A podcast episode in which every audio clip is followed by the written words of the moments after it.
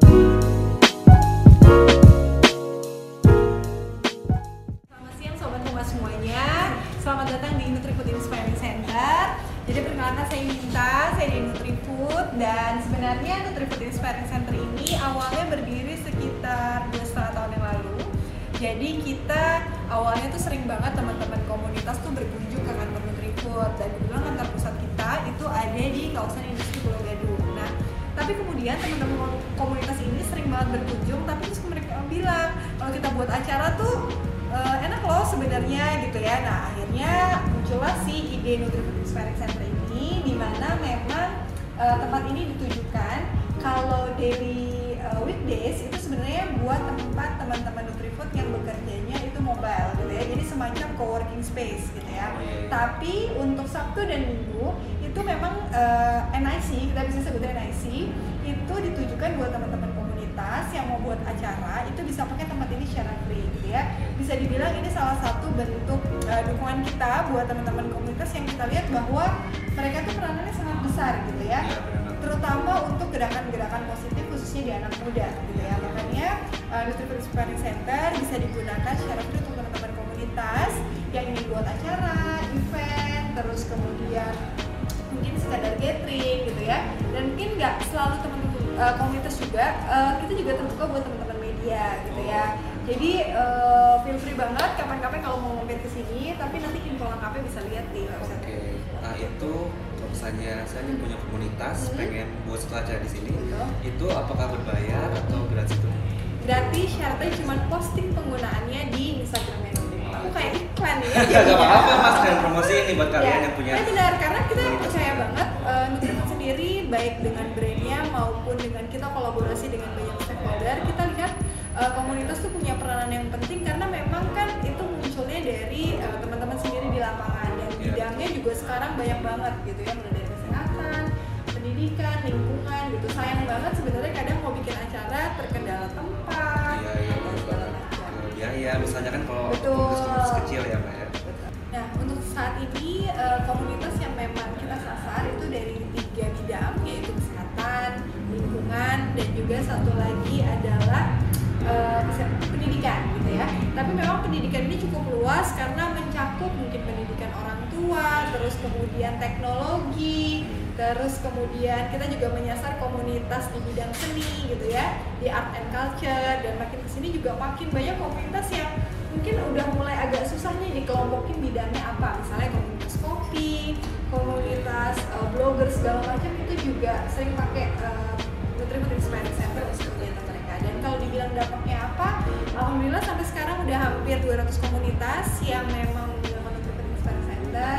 Baik itu yang berulang maupun yang baru-baru sekarang udah mungkin banyak juga nih. Kayak misalnya yang kasih contoh ya kesehatan gitu ya. Kalau dulu kita tahu uh, komunitas kesehatan tuh isinya paling apa sih? Uh, untuk penyakit segala macam atau lari ya kalau untuk pencegahan. Sekarang udah mulai banyak komunitas yang bergerak di bidang kesehatan mental misalnya Oh iya, gitu itu ya. lagi banyak tuh di Ya, udah mulai ini. banyak muncul. Jadi itu menurut aku salah satu aku lihat eh, dampak yang bisa kita support juga buat teman-teman komunitas bahwa dengan penyediaan tempat itu bisa mendukung berkembangnya para komunitas ini. Nah, adakah program Nutrifood sendiri yang melibatkan generasi muda seperti apa dan bagaimana programnya?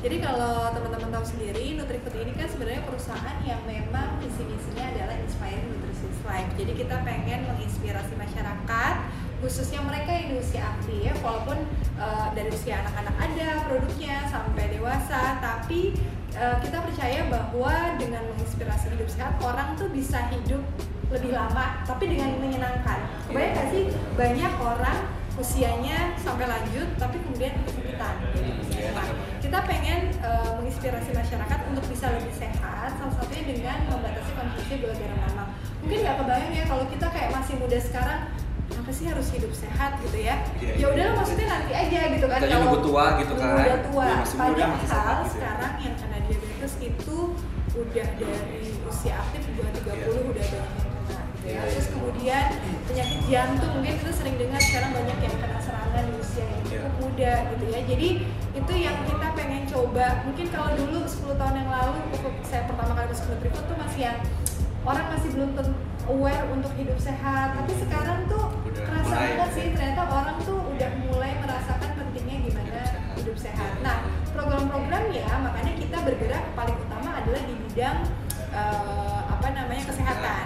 Seperti misalnya kita punya grant namanya Nutrifood Research Grant. Jadi kita memang memberikan grant buat peneliti-peneliti di bidang kesehatan, khususnya membahas diabetes, buat baik itu yang masih levelnya S1 sampai dengan dia S3 gitu. Jadi sekarang kita udah di proses tahap akhir, insya Allah bulan depan akan ada awardnya.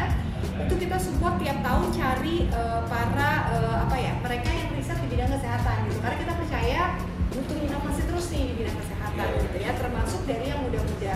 Kemudian ada juga kita punya namanya Nutrifood Leadership Award. Nah ini cocok banget nih sebenarnya buat sobat apa sebutnya tadi so- sobat humas muda ya karena sebenarnya ternyata anak muda itu zaman sekarang nggak harus nunggu dia istilahnya tua dulu Iya. untuk bisa memimpin gitu ya ternyata banyak sekali bakat-bakat kepemimpinan yang sudah ada sejak masih kuliah segala macam jadi kita buat apresiasi namanya Nutrifood Leadership Award Itu Nah, harus diasah dari muda gitu Betul, ya ya. dan alhamdulillahnya mungkin kalau teman-teman banyak tahu banyak sekali eh, alumni dari Nutrifood Leadership Award yang sekarang banyak bergerak di bidang kemasyarakatan ataupun membuat inovasi-inovasi di berbagai bidang gitu ya misalnya ada Iman Usman yang membuat ruang Oh, guru iya, terus iya, iya. kemudian ada Panji Asis yang punya Isbaban Foundation gitu ya. jadi eh, banyak sekali sebenarnya alumni-alumninya yang setelah mengikuti Nutrifood Leadership Award kemudian dia suatu berkontribusi lagi kepada inovasi begitu ya. Pak, ya, Betul. yang eh, tentunya bermanfaat untuk masyarakat luas gitu Iya, betul Wah, sekali. keren banget.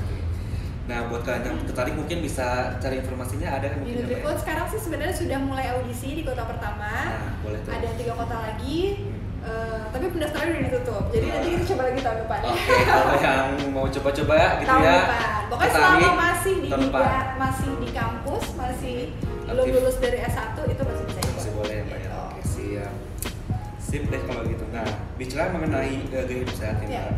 Eh, bagaimana sih kiat-kiat menuju hidup sehat ala Nutrifood?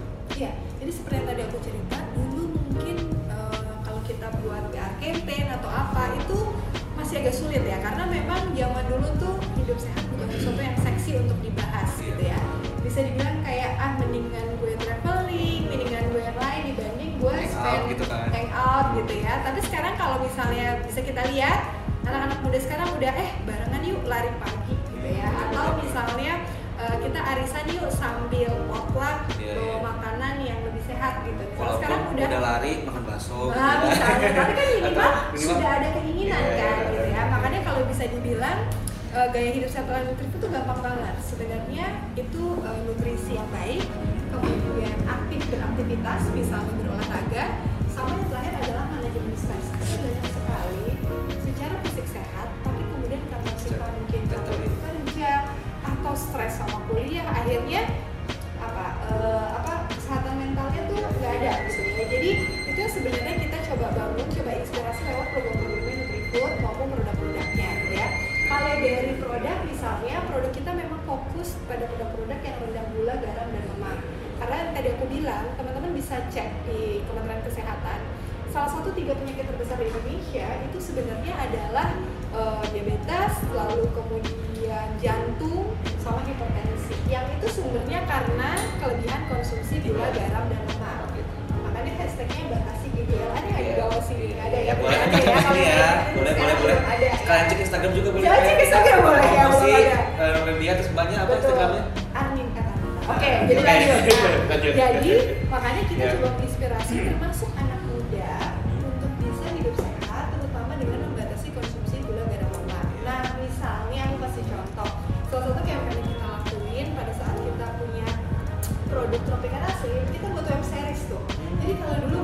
yang aku tahu, ini tuh yang ramai banget tuh. ya, Yang pertama Yang mainnya Sore, ya, sore. Nah, yang kedua ada janji gitu Iya, ya. itu bagus banget. Terus zaman dulu orang edukasi kesehatan lewat apa sih? Lewat seminar, lewat edukasi, uh, Itu. workshop. Itu masih ada kita lakukan misal untuk para praktisi kesehatan yang memang Iya. masih butuh pelatihan teknikal lebih dalam. Tapi khusus buat anak muda kita cari nih channel apa ya yang Ya, sebenarnya tuh mudah langsung dapat gitu ya. betul langsung. dan langsung menyentuh hati mereka untuk berubah gitu ya. Itu nyukur banget sih sore itu bagus banget. kalau bisa ada, tapi jadi boleh pengen kalau sehat kalau kira-kira? untuk pemain tambahan boleh. Oh boleh ya boleh. Jadi Siap. kalau dicatat ya. Nah, dan salah satunya adalah lewat web series ini. Oh, series, Jadi eh, as simple kita sebenarnya cuma pengen ngomong batasi GGL.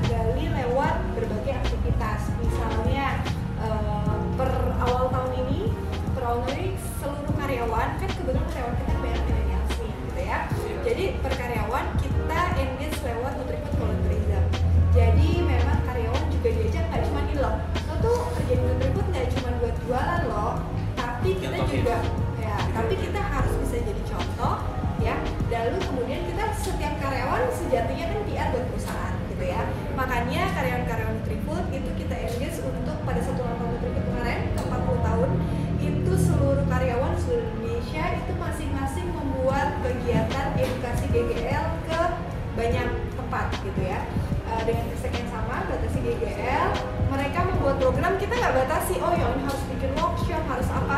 Tapi semua idenya dari karyawan untuk mereka berbagi ke masyarakat mengedukasi untuk hidup sehat. Itu salah satu yang kita mulai dulu dari kata kita. Dari Karena dalam dulu ya, Mbak? dari dalam dulu. Karena mungkin banyak yang kita lupa kalau kita ngomongin the best PR di perusahaan itu sebenarnya harusnya dari karyawan itu sendiri. Makanya kita berusaha kalau kita PRing oh produk Nutrifood apa aja sih ada Nutrikena Slim, Elmen, Nutrisari, Ailo itu kan semua ngomongin eh, hidup sehat yang eh, apa namanya eh, rendah gula lemak tapi kira-kira karyawannya sehat apa enggak sih gitu Iya, ya iya, iya. makanya kita selalu mulai dari karyawan dulu termasuk untuk kampanye yang kita baru mulai di tahun ini itu kita mulai awalnya dari dari eh, dari eh, karyawan dulu gitu lewat Nutrifood volunteerism. Tapi selanjutnya kita banyak kolaborasi dengan berbagai stakeholder, misalnya dengan pemerintah, dengan kesehatan, terus misalnya dengan eh, teman-teman media, ada eh, banyak banget eh, teman-teman media kolaborasi sama kita, gitu ya. Terakhir kita juga baru aja minggu kemarin selesai eh, bikin eh, hidup sehat ala Nutrifood di salah satu media, gitu ya. Jadi kita olahraga, makan sehat dan juga edukasi kayak apa sih yang sebenarnya karyawan Nutrifood itu rasain sehari-hari gitu. Nah itu kira-kira eh, apa namanya gambaran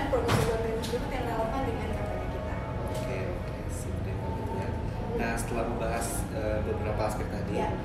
eh, apa sih mbak nilai-nilai perusahaan yang coba Nutrifood pertahankan sampai Oke. sekarang? Ya, yang paling utama tetap hidup sehat. Kemudian kita juga concern sebenarnya di uh, jadi Nutrifood punya culture namanya I care, integrity, eh integrity, collaboration,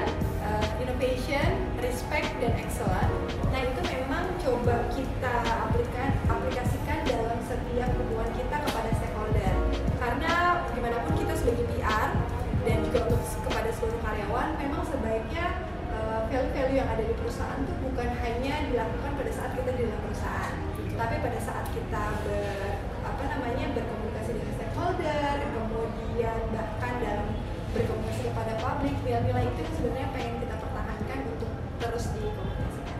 Sekarang kita mau mulai mendalami tentang Mbak Anita Oke. sendiri. Nah, eh, bahkan mengawali karir sebagai PR eksekutif di Nutrifood ya. Betul. Terus kalau nggak aku salah Mbak, aku dapet cenayas. Ah, Oke. Mbak tuh kayak udah 11 tahunan ya, betul? Kelihatan mukanya udah lama. Udah 11 tahun di Nutrifood betul? Betul. Terus Ah, Mbak juga? Seminggu yang lalu pasti 11 tahun. ini. Wah, selamat ya Mbak ya. Selamat apa nih maksudnya sih? kalau udah 11 tahun bertahan Oh, dan ya, Oke oke oke. jadi panutan gitu Oke. kan buat sobat-sobat humas Indonesia. Oke. Nah, eh, terus juga nih eh, Mbak tuh kayak aktif juga di beberapa kegiatan volunteering ya. Betul. Nah, oke. Nah, tapi kalau Mbak sampai saja kan berkait sebagai manajer PR. Nah, apa sih yang membuat eh, Mbak Anita ini jatuh cinta kepada profesi humas? Eh, sebenarnya kalau boleh cerita sebenarnya S1 aku tuh dulu teknik industri gitu ya. Oh, industri, Mbak? teknik industri. Waduh. S2-nya baru eh, komunikasi gitu ya. Jadi dulu awalnya itu semester 4 aku sempat magang di salah satu PR consultant gitu ya yang masih ada juga sampai sekarang gitu ya. Boleh sebut nggak Mbak? Hah? Enggak ya? Eh, boleh, Oke. eh, Edelman. Wow. Nah, terus tapi waktu itu aku nggak tahu sama sekali soal dunia PR gitu ya. Tapi gara-gara magang, terus kemudian kok kayaknya pekerjaan PR ini sesuatu yang aku banget ya, gitu ya. Berhubungan ketemu dengan orang, terus kemudian dapat waktu itu tuh aku pas lagi pegang kliennya itu eh, dari ini nih aku dari WHO waktu itu lagi zamannya kasus flu burung.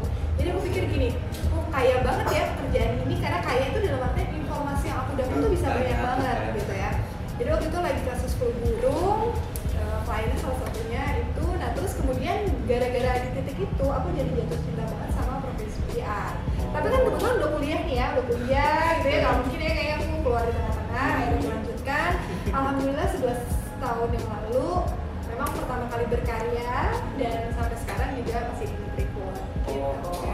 Jadi memang waktu itu aku masuk Nutrifund karena ikut salah satu kompetisi yang mereka buat kemudian juara dua ya juara dua bisa ikut rekrutmen terus ya dari awal sampai sekarang eh, sempat tiga bulan di customer relation baru masuk di Iya. sampai sekarang dan dua tahun terakhir sekaligus juga memegang event dan sustainability. Wow. Jadi kenapa cintanya? Karena ya tadi satu banyak banget sebenarnya peluang untuk ketemu orang-orang yang buat aku aku bisa banyak banget belajar dari mereka. Kemudian yang kedua aku lihat memang profesi ini butuh banget wawasan Iya. dan sebaliknya kita juga bisa dapat wawasan yang luar biasa Banyak. banyak dari profesi. Benar, maksud aku ternyata pengalaman magang itu salah satu yang eh, cukup berkesan sih buat aku gitu ya. Jadi magang nggak perlu nunggu semester 7, nggak perlu nunggu semester 6, nggak Iya, perlu iya. nunggu tugas akhir gitu ya. Kalau liburan lagi kosong, Kosong. cari tempat buat magang. Ya, ya, isi sama hal positif ya mbak ya. Betul, Jangan- sekarang pun di Departemen PR kita terima eh, magang dari salah satu sekolah swasta di Jakarta, teman-teman SMA Oh SMA. tapi magangnya nggak lama mereka magang cuma satu bulan Oke. tapi percaya nggak sih maksudnya sekarang anak SMA aja mereka udah mulai belajar secara praktikal seperti apa Wow. gitu jadi Iya, buat sobat humas muda yang sekarang udah kuliah bahkan udah di semester akhir Hmm. jangan sampai melewatkan kesempatan kesempatan untuk magang maupun uh, mencoba bekerja di berbagai uh, organisasi gitu ya Nah untuk magang di lagi buka rekrutmen nggak mbak? jadi kita Yang lagi ada- cari magang nih teman-teman Oke. aku banyak soalnya. Ini curhat ya ceritanya, enggak juga? Enggak. Oke. Nah, magang tuh ada dua ya. Satu, kita punya namanya Nutrip, Nutrip Internship. Kalau itu setahun sekali, kita cuma dua sekali, tapi mereka dapat proyek khusus dan itu yang daftar ribuan. Wow. Yang Ribuan kedua, yang terima? yang keterima 15 ya, sekitar 15 ya kalau nggak. Tapi kemudian yang kedua ada juga magang yang daily.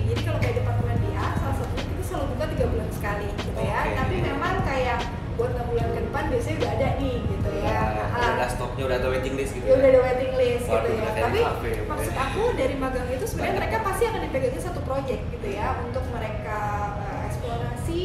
Dan itu kan sebenarnya jadi edit value juga kan pada saat nanti kita masuk ke dunia anak SMA tuh sekarang kalau ditanya kamu kuliah di mana? Ah mau jadi dokter atau mau jadi tentara polisi gitu. Jarang kayak aku pengen jadi PR aku mau jadi kayak Pak Agung misalnya Ya, gitu. kan jarang tuh Ya. misalnya belum tahu deh Belum tahu. eh, awareness tentang PR itu apa Ah. seperti apa gitu nah kok bisa sih mbak kayak ada anak SMA Hmm. ya aku SMA nggak tahu tuh PR sama sekali tiba-tiba eh, daftar pengen internship di bagian PR Oke. kayak gitu. Jadi menariknya adalah memang sih program sekolah ini memang memberikan opsi-opsi eh, jenis perusahaan dan bidang yang sebenarnya mereka bisa. Tapi percaya atau enggak, yang magang terakhir dari SMA di awal tahun ini itu dia justru dari anak IPA, kemudian sangat tertarik di bidang mau masuk ke dokteran, tapi dia magang di PR. Tapi eh, one thing yang menurut aku bagus banget, dia bilang kenapa sih tanya kamu eh, Abel waktu itu namanya kenapa sih kamu mau magang di PR? Ya aku penasaran aja sama bidang ini dan ternyata begitu dia sudah magang, salah satu insight yang bagus adalah ternyata ilmu dia magang dia yang bagus pada saat dia jadi dokter, bagaimana dia bisa eh, berkomunikasi ataupun campaign tentang eh, kalau dilihat ya dokter-dokter sekarang bukan hanya meriksa gitu ya, Iya. tapi mereka juga kampanye gimana sih sebenarnya supaya tidak terkena penyakit ini. Pencegahannya seperti apa, Pencegahannya gitu. seperti apa gitu ya. Jadi justru itu yang menarik. Jadi kadang kita jangan melihat PR sebagai hanya profesi, tapi juga keilmuan yang sebenarnya itu bermanfaat untuk segala aspek berbagai profesi yang ada di perusahaan. gitu. jadi nggak hanya di aja ya mbak ya Betul, betul. Jadi sebenarnya ilmu PR itu sangat bermanfaat gitu ya, termasuk sampai ke level pimpinan perusahaan. Justru Oh. harus punya holistik lah bagaimana dia melihat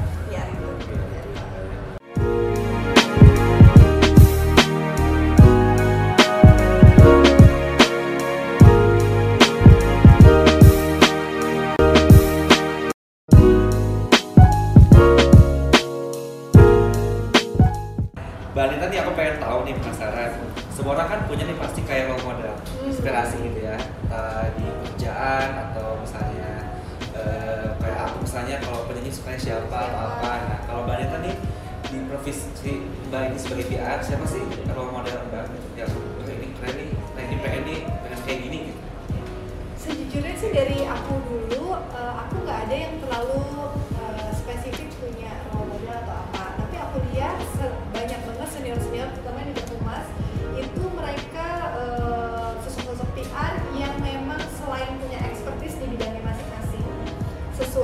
background eh, pekerjaannya ataupun perusahaannya, tapi juga punya kelebihan masing-masing. Jadi aku pikir kayak aku nggak kayak specifically me- me- apa mengidolakan Siapa. siapa gitu ya di bidang PR, tapi aku sangat appreciate terutama bar- eh, eh, senior-senior aku di Perhumas karena mereka nggak cuman apa ya berarti mereka cuman apa ya pokoknya gue berhasil di pekerjaan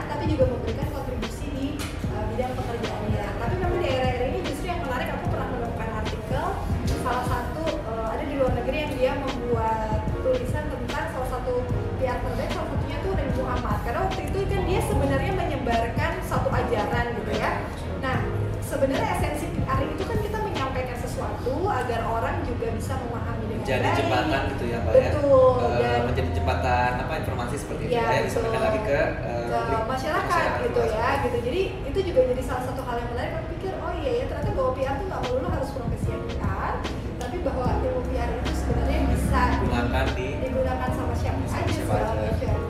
Iya, iya, iya. Oke. Nah, eh dilihat nih dari tadi Mbak Din tuh orangnya periang ya, Riang, coba Ramah. artinya ada nggak kak? Ramah. Riang kenal nih. ramah gitu ya. Kalau bahasa Prancisnya someah gitu. Ah, ya, oke. Nah, ada nggak sih Oh, Mbak? maaf ya kalau roaming ya. Mohon maaf ya, Tik. Ada translatornya ya. Oke. Nah, apa sih eh, moto dalam hidup Mbak Anita yang bisa dibagiin nih ke kita kita sobat humas di mana pun kita berada nih. Oke. Terus eh, bisa diceritain nggak kenapa atau apa cerita di balik itu, di balik itu? Sebenarnya aku tidak punya motor. Enggak. Kalau zaman dulu kan kita nulisnya zaman SMA, Iya, motor iya. saya ini gitu ya, Iya, apa apa. jadi orang kaya. Oh gitu. Kan? Itu cita-cita bukan Oh, moto. oh bukan. Oh iya. Bukan. Aduh, maaf ya. Moto tuh misalnya maju terus pantau. Oh, iya, Enggak. itu. Gini, di, Salah ah, itu. di agama aku aku percaya bahwa rezeki itu sudah dijamin sama Ya. Tuhan, sama Allah. Nah jadi sebenarnya moto atau pegangan aku dalam bekerja sebenarnya dua. Satu bahwa bekerja itu sejatinya karena kan rezekinya udah dijamin nih. Berarti sebenarnya kita tuh cuma nyari pahala. Berarti kalau nyari pahala sesuatu yang dikasih pahala tuh sesuatu yang pasti baik, pasti bermanfaat buat orang. Jadi prinsip aku sekarang dalam bekerja adalah apa yang pun yang kita kerjakan, terutama profesi PR yang kita jalani, itu sebisa mungkin kita memberikan manfaat dari apa yang kita kerjain, gitu ya. Karena akan sayang banget dalam seminggu kita cuma waktu tujuh hari, bekerja lima hari, sehari 8 jam, itu kita melakukan sesuatu yang ada manfaatnya buat orang Iya. Itu pasti akan sayang banget kan hidup kita. Apalagi mostly buat kerja kantoran di Jakarta itu hampir setengah setengah harinya dihabiskan di kantor gitu ya. Jadi bayangin kalau kita udah capek-capek kerja gitu ya oke sih duit dapat gitu tapi terus nggak ada manfaatnya Manfaat buat orang. Nah. Karena kan sebaik-baiknya orang tuh orang yang berbuat bagi orang lain. baik catat ya jangan lupa dicatat poinnya. Terima kasih. Allah sudah ya Mbak ya. Terima kasih sudah sudah ke kajian kita ya kali ini. udah selesai ya. Belum belum selesai. Masih ada pertanyaan ya Oh, ada dong. Mbak. Oke. Karena ini special guest ya. Oh, ya, guys. special guest, ya. Tapi ini sebenarnya terakhir. oh ya oke itu lagi Cuma jangan sedih ya. oh iya iya oke ya. nggak apa-apa nanti kita buat episode berikutnya episode selanjutnya boleh bikin vlog mungkin. oh nanti. mungkin boleh sama mas-mas di pengembangan budaya yang lain ya Boleh. boleh juga Boleh ajaknya sama eh, Bang Kevin Hendrawan. oh Kan gitu iya ya? betul salah satu alumni alumni Iya, itu sahabat saya. oh gitu alhamdulillah ya sahabatnya ada yang ini ya ya Pengennya tapi gak di aku. oke Nah, eh, anyway ini Ya, pertanyaan terakhir. Nah, apa nih eh, saran apa yang bisa Mbak Anita kasih nih buat sobat humas? Eh, khususnya nih calon-calon praktisi komunikasi. eh, apa nih Mbak? Terus Oke. sikap apa yang harus dimiliki dan bagaimana menjaga semangat untuk terus maju? Oke, jadi katanya anak milenial sekarang itu nggak mau terikat pada satu organisasi terlalu lama. Atau kedua, oke gue terikat pada satu organisasi tadi baru ngobrol sama tim aku, tapi pengen juga berkarya di luar ya. Gitu ya. Jadi kalau aku pesan sih cuma satu, di mana pun eh, kita berkarya, Ya. s- eh, sebentar atau selama apa pun kita berkarya, pastikan bahwa kamu bisa kasih kontribusi. Jadi misalnya, let's say kamu jadi PR di satu perusahaan, oke gue cuman target gue, gue cuman pengen kerja di perusahaan ini 6 bulan aja gitu ya. Ya nggak apa-apa 6 bulan, tapi pastikan berkarya ada kontribusi yang kamu tinggalkan di perusahaan itu gitu ya. cuma karena detail doang gitu ya. jangan cuman kayak oh gue pernah kerja di sini gitu. Tapi apa karyanya yang ada di sana gitu ya. Dan terus kemudian mungkin ini yang juga mungkin uh, agak sedikit berbeda aku percaya bahwa uh, segala sesuatu itu juga dilihat prosesnya. Oke banyak mungkin beberapa orang yang cepat mencapai posisi tertentu ya. Tapi bahwa proses itu ternyata sangat berpengaruh terhadap kita berpikir terus kemudian cara kita mengambil keputusan. Jadi sebisa mungkin pihak-pihak muda sekarang harus bisa harus mau untuk menjalani proses-proses dalam bekerja maupun berkarya dan juga jangan lupa menghargai dari proses tersebut gitu ya. Jadi yang pertama jangan lupa kasih kontribusi di mana pun berada dan kemudian yang kedua hargai proses dari apa yang kalian lakukan di khususnya di dunia pihak jangan gitu. instan gitu kan instan Tiba- boleh tapi pastikan bahwa itu ada isinya oh iya Gitu. jangan tong kosong nyari bunyinya betul ya. jadi udah ya sudah disimpulkan semuanya Oh, sudah Ah, baik sudah mbak. Ini Udah apa ya, lagi udah ya? Selesai oh ya? Oh, terakhir terakhir, terakhir pesan-pesan terakhir boleh karena aku kebetulan juga salah satu uh, Perhumas dan kemudian uh, bagian dari PR Nutrikut juga aku mau pesan buat sobat humas muda jangan lupa gabung di Perhumas Muda karena percayalah yang tadi aku bilang kalau kita memang aktif berkontribusi sejak muda itu pasti akan kerasa hasilnya pada saat nanti kita kerja gitu ya. Dan saya pun yang sekarang masih berkarya sampai sekarang itu merasakan manfaat yang luar biasa untuk uh, berkolaborasi dengan teman-teman. Ya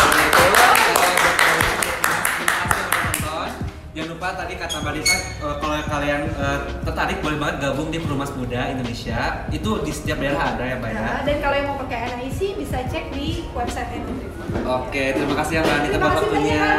Sampai ketemu lagi. Nanti. Selamat siang semuanya. Selamat siang, dadah. Sampai jumpa di eh, live Instagram Perumas Indonesia lainnya. Bye.